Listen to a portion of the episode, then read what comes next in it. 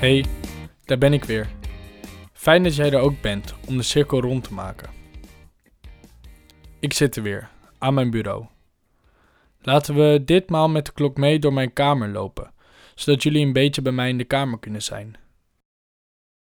Na het binnenkomen van mijn kamer loop je tussen een muurtje en mijn kledingkast door. Hier zullen we aan het eind van het rondje ook eindigen. Na de kledingkast volgen aan de linkerkant van mijn bijna vierkante slaapkamer twee grote openslaande deuren, met aan weerskanten een klein kiepraampje. Haaks op mijn balkondeuren, zonder echt balkon eraan vast, is een witte muur. Tegen deze muur staat mijn bureau. Links een schemerlampje, rechts een bureaulampje.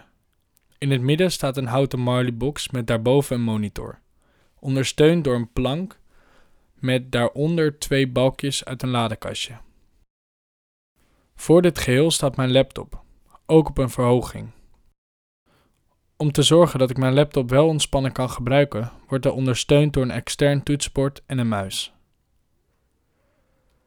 Naast mijn bureau staat mijn bed. Het is een ruim bed voor één persoon en een gezellig bed als je met z'n tweeën slaapt. Men geeft het vaste titel twijfelaar. Boven mijn bed aan de muur hangen vijf gitaren: twee bassen, één akoestische en twee elektrische. Naast deze gitaren, nog aan dezelfde muur, maar ditmaal boven mijn hoekbureau, hangt een oude plank. Aan de plank is te zien dat hij veel tijd buiten heeft doorgebracht en af en toe is gebruikt voor schilderklussen. Voor deze plank heb ik drie plankjes met touwtjes opgehangen, die precies groot genoeg zijn voor een paar boeken, opschrijfboekjes en een paar plantjes. Onder deze plank met plantjes staat mijn hoekbureau. Het is een houten bureau, met aan de randen glasstaal.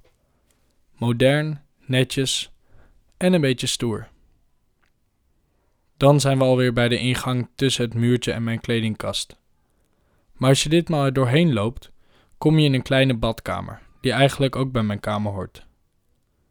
Het heeft een wastafel, een spiegelkastje, haakjes voor handdoeken en een kleine maar fijne douche. Al met al is mijn kamer een fijne plek met precies datgene wat ik nodig heb.